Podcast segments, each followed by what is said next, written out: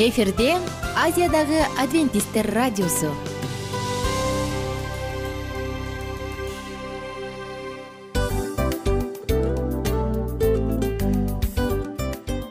Достор салют.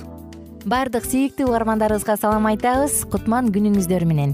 Ден соолук өмүрдүн булагы демекчи саламат саамы программасында баарыңыздарды көргөнүбүзгө абдан кубанычтабыз. Анда алгач амандашып өтөлү арбаңыздар деп. Ден соолугуңуздар кандай элибизде көбүнчө ден соолук кандай дегенде эле жакшы деп жооп беребиз э? ооруп турсак дагы жакшы дейбиз. Анан мен муну айтып ойлойт элем бул абдан сонун сөз депчи анткени бул жакшы деген үмүт да э ооба баары жакшы болот. Баары сонун. Деп үмүттөнүп атып эле өзүбүздү өзүбүз дарылап коебуз.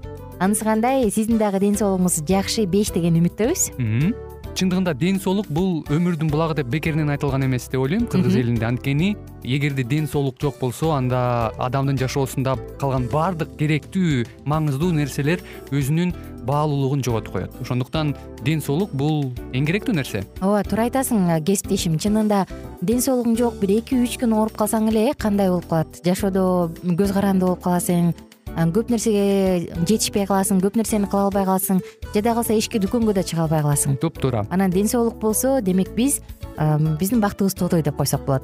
Анда достор саламат саамы рубрикабызды баштайлы. Алдыда өзүңүзгө керектүү болгон сонун кеңештерди уга аласыздар. Мына ошондуктан биз менен бирге болуңуздар. Ал эми биз болсо милан жана айнура. Кеттик алга. Алга саламат саама ден соолуктун жарчысы. Саламат саама ден соолуктун ачкычы. Күн сайын сиз үчүн мыкты кеңештер сонун жаңылыктар кызыктуу фактылар. Биздин рубрикада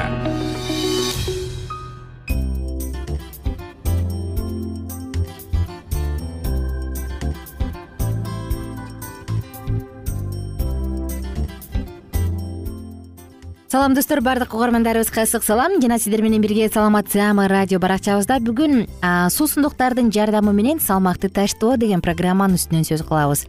Суусундуктардын жардамы менен салмак таштоо албетте достор салмак таштоо арыктоо дегенде айымдардын эки көзү төрт болот э? Анысы кандай? Бүгүн дагы сиздер менен бирге айымдардын көзүн төрт эмес алты кылабыз.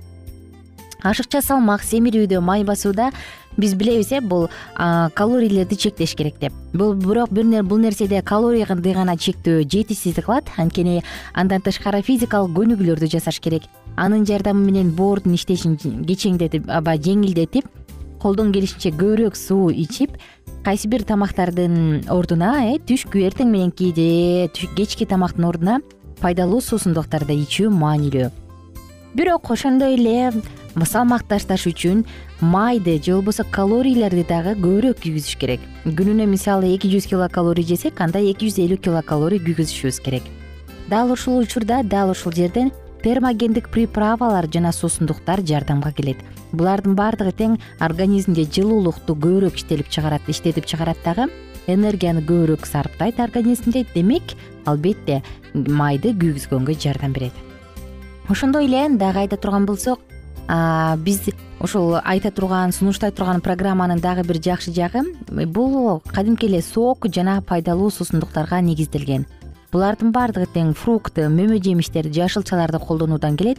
Демек биз катуу жанагы эт сыр куурулган тамак транс майлар даамды баягы күчөтүүчү приправалар жасалма добавкалар кошумчалар жакмакташылган жана кайра иштетилген азык түлүктөрдүн ордуна көбүрөөк мөмө жемиштерди жана жашылчаларды жейбиз. Албетте бул чоң плюс. Тагыраак айтканда биз сунуштай турган программанын эки чоң пайдасы бар. Бир жолу кайталасам дагы биринчиси биз тазаланган организмди тазалоочу суусундуктарды колдонобуз. Экинчиден организмдеги баардык уулуу заттарды азайтуу менен зыяндуу жана катуу азыктардан баш тартабыз. Бул нерсе албетте абдан маанилүү мөмө жемиштердин жардамы менен салмакты кантип азайтса болот? Ушул салмакты азайтуучу программада эң маанилүү ролду мөмө жемиштер ойнойт. Фруктылар деп э жашылча жемиштер. Жемиштер. Булардын курамында чындыгында сахар бар. Анткени алардын курамында негизинен глюкоза фруктоза сахароза бар. Булар дагы калорийдин булагы.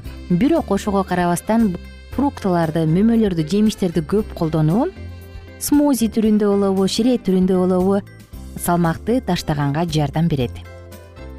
Эми калорийдин негизин айта турган болсок бул негизи мөмө жемиштерде калорий төмөн. Мисалы жүз грамм алмада болгону кырк сегиз гана калорий бар.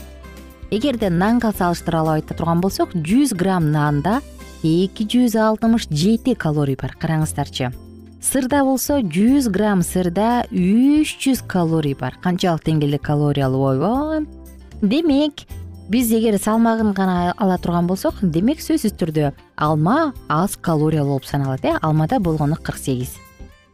Дагы айта турган болсок салмакты алыс төмөндөтүш үчүн колдон келишинче азыраак азык түлүктөрдү жеген жакшы. Демек бул жашылчалар жана жемиштер. Клетчатка булардын курамында абдан көп болгондуктан бизге токумдуулук сезимин тартуулайт. Курсак ачып куркулдабайбыз сахар жөнүндө сөз кылсак мөмө жемиштердин курамындагы сахар оңой сиңейт демек андагы витамин минерал фитохимикаттардын баардыгы тең организмге оңой сиңет булардын жардамы менен биз өзүбүздү ток жана стресске кабылбай алып жүрө алабыз. Алардын курамындагы фруктылардын мөмөлөрдүн курамындагы ушул сахарлар көбүнчө баягы май түрүндө чогулбайт э. Мисалы нан башка тамактарды жей турган болсок алардагы калорийлер май түрүндө эле чогула берет эмеспи. Курсагыбызда капталдарыбызда майлар болуп чыга баштайт э. А мында болсо мөмө жемиштердин курамындагы сахарлар болсо антип май түрүндө чогулбайт мисалы пирог мороженый балмуздак таттуулар булочка круассан сыяктуу же болбосо торттор э булардын баардыгын тең витамин аз минерал жана клетчатка жокко эсе бирок сахар көп. Мына ошондуктан анын ордуна бир даана алма же башка мөмө жеп коюу маанилүү. Баардык дагы плюстарын айта турган болсок баардык мөмө жемиштер зара кубалоочу касиетке ээ. Демек бул акырындык менен салмакты таштоого алып келет. Дагы бир нерсе. Бир стакан сок менен бир стакан бир ошол эле салмактагы фруктуну мөмөнү ала турган болсок анда албетте экөөнүн бири биринин курамындагы азыктандыруучу заттар бир аз айырмаланат. Жаңы мөмөдө клетчатка көбүрөөк ал эми сокто болсо чирээде тескерисинче калорий көбүрөөк. Анда с витамини бар жана флавоноиддер дагы көбүрөөк болот. Мына достор бул нерсени э, вандербилт университети америка кошмо штаттарында нэшвилдеги университет изилдеп чыккан жана алар ушундай натыйжага келишкен. Ошондуктан достор мөмө ширелери көбүрөөк сахарга ээ болгондуктан бул нерсе дагы табигый болгондуктан деп баса белгилейинчи даамдуу жана пайдалуу. Биз сиздер менен бирге кийинки уктурууда анда кандай сокту ичишибиз керек? деген суроого жооп беребиз. Жана албетте иче турган соктун баардыгын тизмектеп тыпырайтып айтып беребиз. А сиз болсо кийинки уктурууга телефонуңуздун диктофону же кагаз калем сапы даярданып алып бизди күтүп туруңуз кадимки эле сахар жөнүндө сөз кыла турган болсок ушул мөмө жемиштердин курамындагычы. Аларда жашылчалардын сахары жашылчалардын курамындагы сахарлар мөмөлөрдүн курамындагы сахардан бир аз айырмаланат. Мисалы кызылча сайбиздин курамындагы сахардан бир аз айырмаланат. Ошондуктан кайсыны көбүрөөк жейбиз бул нерсени дагы алдыда кийинирээк айтып беребиз. Жана чын эле бул калория адамды семиртеби же семиртпейби албетте бул дагы маанилүү болгондуктан кийинки уктурууда сөз кылабыз ага чейин баарыңыздардын индекс массы тела деп коет эмеспи. Дененин массасынын салмагынын индекси. Билип алыңыз канча килограммсыз белиңиз канча сантиметр экендигин билип алыңыз идеалдуу салмакты. Анан кийинки уктурууда менде бир аз ашыкча салмак бар экен же мен идеалдуу салмакта экенмин деп туруп уктурууну бирге угабыз. Соңку мүнөттөр сиздер менен коштошобуз. Күнүңүздөр көңүлдүү маанайда улансын. Бар болуңуздар жана көп жашаңыздар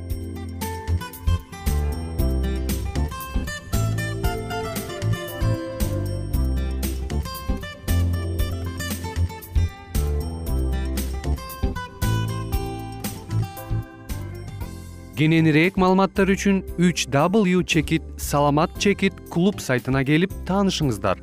Жана андан тышкары социалдык тармактарда youtube facebook жана instagram баракчаларына катталыңыз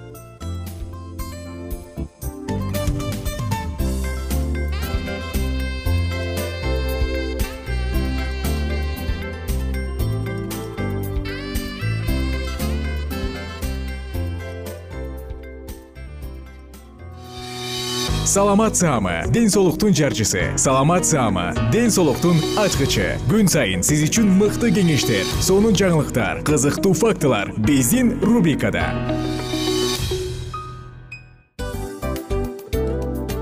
Салам достор. Кайрадан биздин сүйүктүү рубрикабызга кош келиңиздер деп айтмакчыбыз. Баардык замандаштарыбызга арбаңыздар деп саламыбызды айтабыз. Улуу ушундай бир э, урматтаган учурашуу менен анан дил маек радио баракчабызга чакырабыз. Негизи дил маек биздин рубрикабызда эмне жөнүндө кеп кылабыз? Бул дил маектин мааниси эмнеде? Рубрикабыз менен кичине тааныштырып кетсеңиз. Сөзсүз түрдө тааныштыра кетейин кесиптешим суранычы боюнча бул учурда бул радио баракчада биз ар тарап кесип ээлеринен сонун кеңештерди алабыз сүйлөшөбүз сырдашабыз аталарыбыздын эжелерибиздин апаларыбыздын кеңештерин угабыз айтор жан дүйнөгө адамдын э, сапатына адамдын деги эле адам болуп жашашына керектүү баардык кеңештер алдыда. Негизи э, дил маек дегенде баягы эки адамдын ортосундагы сырдашуу кенен сүйлөшүү. Негизи эле биз адамдар бири бирибиз менен бир жерге жай жерге отуруп алып өзүнчө тынч э, жашоо жөнүндө өмүрүбүздө эмне болуп атканын бөлүшкөнү жакшы көрөбүз э адамдар. Ооба туура айтасың анан мындай учурга кээде убакыт да жетпей келет э. Же болбосо сырыңды кайгыңды муңуңду кубанычыңды айткың келет а адамга ишенбешиң мүмкүн. Ооба. А бул радио баракча угармандарыбыздын чыныгы досу. Анткени бизден алган кеңеш сиздин жашооңузга чоң жардам берет. Ал эми сиздин бизге айта турган сөзүңүз ортодо гана сыр бойдон калат. Ошондуктан биздин дил маек рубрикабызга дагы бир жолу кош келиңиздер. Жана биз даярдаган маалыматтарга даяр болуңуздар. Айнура жана милан сиздер менен бирге алдыга кеттик ар түрдүү ардактуу кесип ээлеринен. Алтын сөздөр жүрөк ачышкан сыр чачышкан сонун маек. Дил маек рубрикасында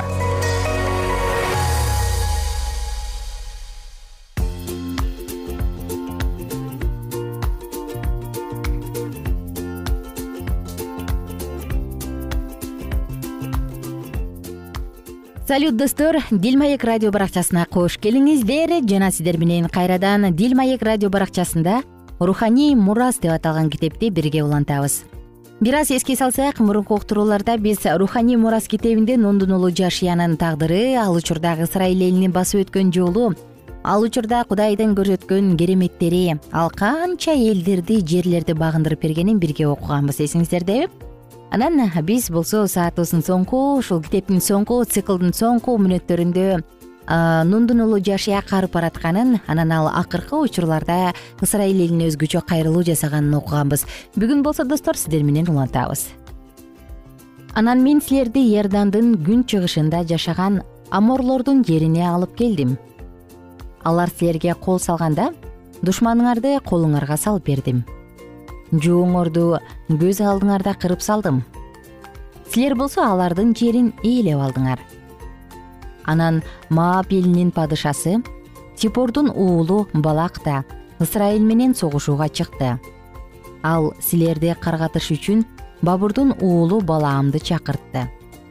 Бирок мен балаамга кулак салгым келген жок тескерисинче силерге кайра кайра батасын берүүгө мажбур кылдым мен силерди балактын колунан куткардым силер иордандан өтүп ерхон шаарына жакындап келгениңерде ал калаанын эли силерге каршы согуш ачты. Аморлор периздер канаандыктар хеттер киргештер хибилер жебустар да силер менен согушту. Бирок мен алардын баарын силердин колуңарга салып бердим. Силер ал элдерге жете электе эле аларга коркунучту каптатып аморлордун эки падышасын алдыңарга кубалап салдым. Силер душманыңарды кылыч шилтеп жаа тартып кубалаган жоксуңар. Ошентип мен силерге өзүңөр мээнет кылып иштетпеген жерди өзүңөр курбаган шаарларды бердим. Силер ошол шаарларда жашап өзүңөр отургузбаган жүзүм менен зайтун дарактарынын мөмөлөрүн жеп жатасыңар жашия сөзүн улантып мындай деди. Ошондуктан жараткан эгеңерден коркуп ага берилип ак ниеттен кызмат кылгыла. Эфрат дарыясынын аркы өзүндө жана мисирде ата бабаларыңар ибадат кылган жалган кудайларды таштап жараткан эгеге гана кызмат кылгыла. Эгерде жараткан эгеге кызмат кылгыңар келбесе анда кимге кызмат кылууну бүгүн тандагыла эфрат дарыясынын аркы өзүндө жашаган убакта ата бабаларыңар ибадат кылган кудайларыңарга кызмат кыласыңарбы? Же силер буга чейин аморлордо болгон жерде жашап жаткандыктан эми алардын кудайларына кызмат кыласыңарбы? Мен болсо үй бүлө менен жараткан эгеге кызмат кыламын. Ошондо калың эл кудай сактасын. Биз эч качан жараткан эгени таштап башка кудайларга кызмат кылбайбыз деп жооп берди. Анткени кудайыбыз жараткан эге бизди жана ата бабаларыбызды мисир жеринен алып чыккан кулчулуктан бошоткон. Ал кылган зор кереметти шаандарды өз көзүбүз менен көрдүк. Сапарыбызда дайыма сактап бөлөк элдердин жеринен өткөнүбүздө ошол бөтөн элдерден бизди коргоду ушул жерде жашаган амурлорду жана башка элдердин баарын алдыбыздан кубалап салды. Ошондуктан биз да жараткан эгеге гана ибадат кылабыз. Анткени ал биздин кудайыбыз. Ошондо жашия элге. Жок силер жараткан эгеге кызмат кыла албайсыңар. Анткени ал ыйык кызганчаак кудай. Ага каршы баш көтөрүп күнөө кылсаңар ал силерди кечирбейт деп айтты. Эгерде жараткан эгени таштап башка кудайларга кызмат кылсаңар ал ушул күнгө чейин силерге жакшылык кылып келсе да силердин башыңарга жамандык салып кырып салат.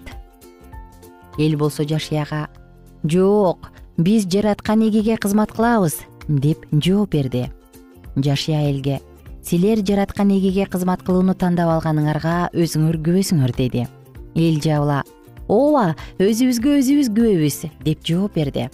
Андай болсо араңардагы буркандарды алып таштап жүрөгүңөрдү ысрайыл элинин кудайы жараткан эгеге бургула деди жашия ошондо эл жашияга кудайыбыз жараткан эгеге кызмат кылабыз анын сөзүн угабыз деп убада берди.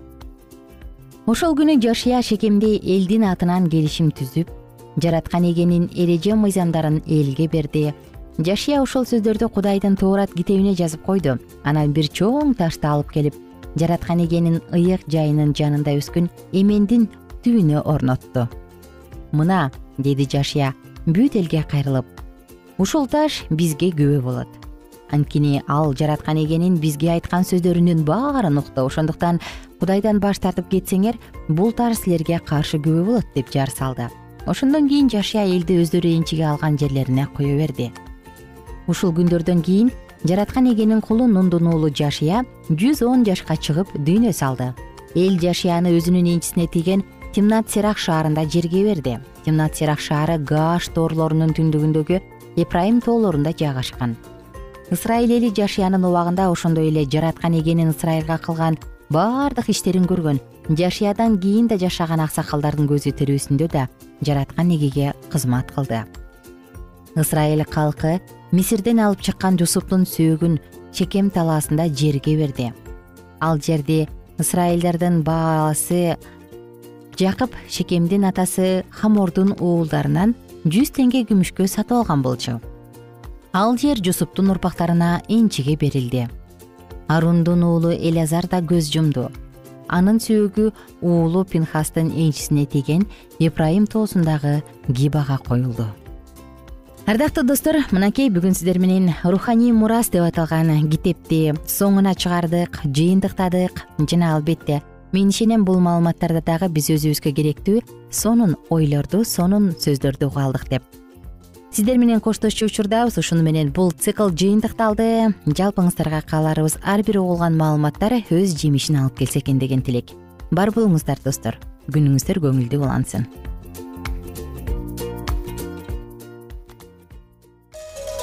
ар түрдүү ардактуу кесип ээлеринен. Алтын сөздөр жүрөк ачышкан сыр чачышкан сонун маек. Дил маек рубрикасында.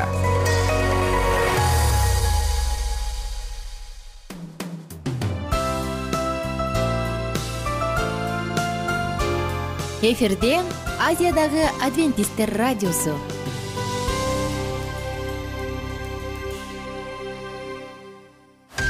жан дүйнөңдү байыткан жүрөгүңдү азыктанткан жашооңо маңыз тартуулаган жан азык рубрикасы.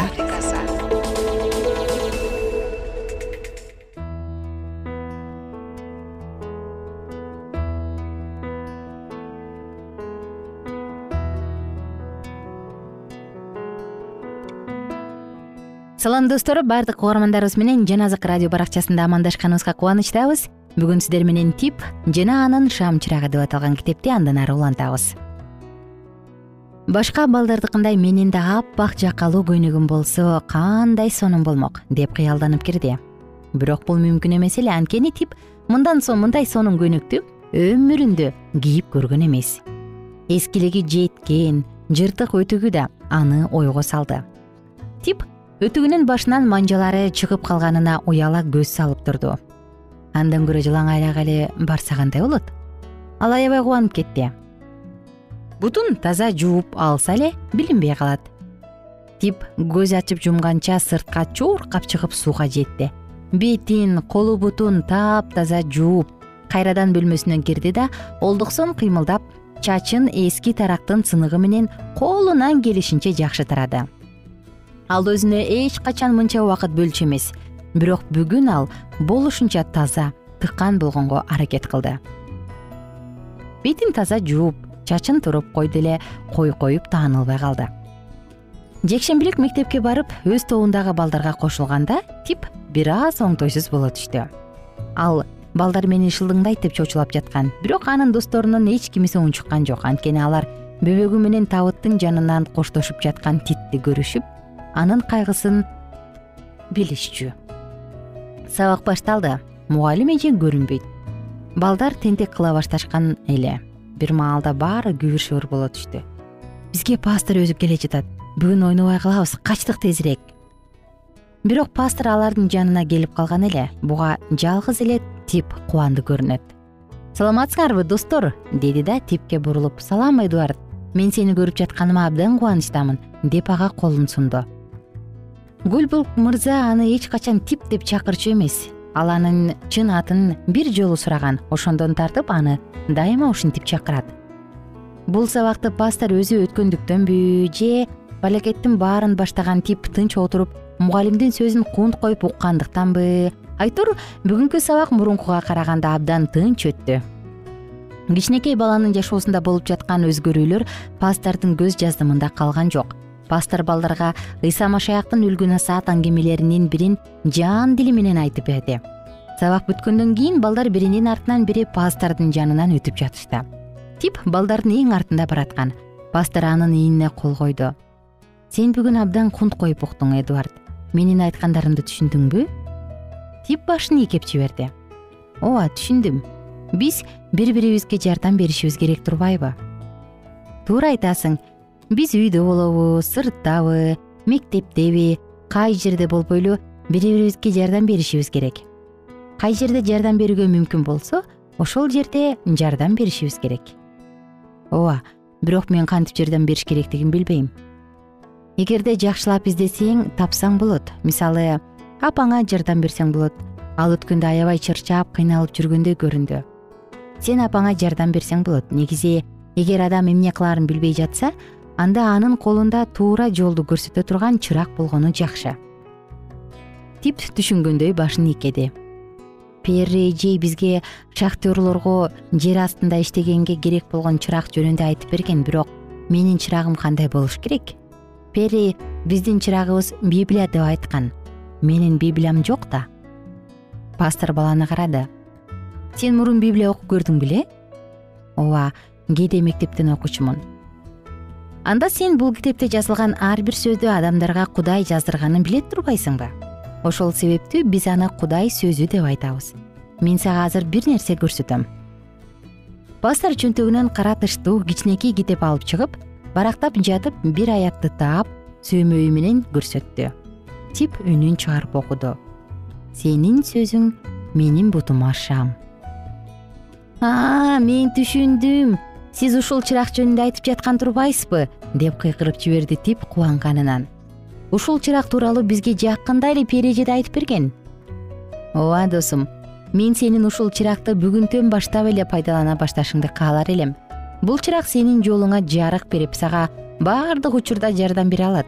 Эгерде сен бул китептин кайсы бир жерин түшүнбөй калсаң кудайдан акыл сурап ага кайрылсаң болот. Ушул сөздөрдү айтып пастор чөнтөгүнөн карандаш алды да китептин биринчи бетине чоң тамгалар менен эдуард леви деп жазды. Анан китепти балага берди. Тип кымбат баалуу кенчин бооруна кыса сыртка чыкты. Чындап эле эми анын жашоосу өзгөрөбү мына пастор аны менен сүйлөшүп анын колун кысты. Библия белек кылды. Ал башка балдар менен көчө менен бир болуп кыйкырып ызы чуу салгандын ордуна үйүн көздөй жай кетип бара жатат ал түш көрүп жаткандай болду. О тип леви деди ал өзүнө. Сен жакшы адам болуш үчүн колуңдан келген аракетиңдин баарын кылууну чечпедиңби эми баары жакшы болот. Анткени сенде жолуңа жарык бере турган чырак бар эмеспи тип киребетине отуруп алып библиясын барактап отурган.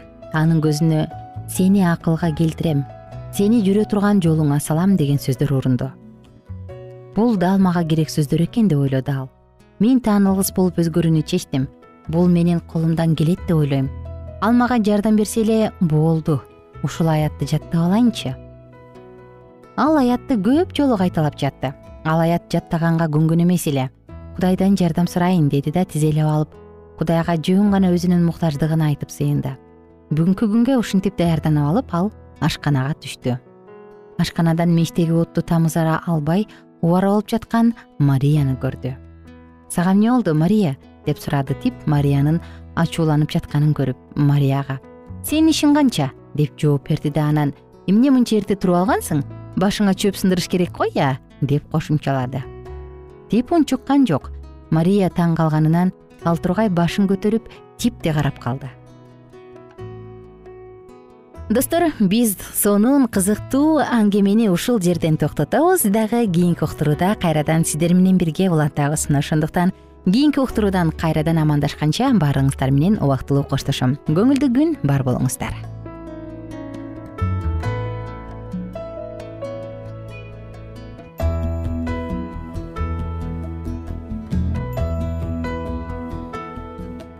Эгер сиздерде суроолор болсо же көбүрөөк маалымат билем десеңиз анда биздин whatsapp номерибизге жазыңыз. Плюс бир үч жүз бир жети жүз алтымыш алтымыш жетимиш. Кайрадан плюс бир үч жүз бир жети жүз алтымыш алтымыш жетимиш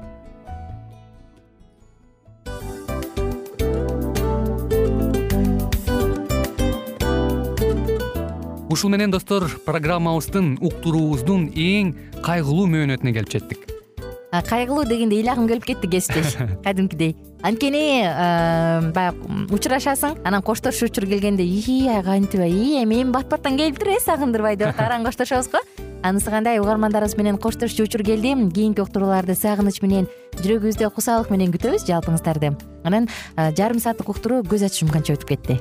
Сөзсүз бирок бизде жакшы кабар бар. Кийинки уктурууларыбызда сөзсүз дагы кезигишебиз. Анткени биз көптөгөн сюрприздерди кызыктуу маалыматтарды жана керектүү керектүү нерселердин көбүнчөсүн даярдадык анда угармандарыбыздын баардыгына ийгиликтүү күн каалайбыз. Эгерде бүгүнкү күнүңүз өзгөчө э, өтүшүн кааласаңыз анда позитивдүү ой жүгүртүп жылмайып жакындарыңызга жакшы маанай тартуулап жүрө бериңиз анткени сөзсүз түрдө мунун арты кайтат э? Сөзсүз. Баягы ден соолугуң оңолот ал бул деп көп нерсени санап келебиз. Эң негизгиси бул сиздин жашооңузду жаркын кыла түшөт экен жараткан кудай ар бирөөңүздөргө батасын берсин жашооңуз ийгиликтүү болсун сак саламатта калыңыздар деп мен милан жана кесиптешим айнура баардыгыңыздар менен кийинки уктурууда үн алышканча. Баарыңыздарга ийгилик каалайбыз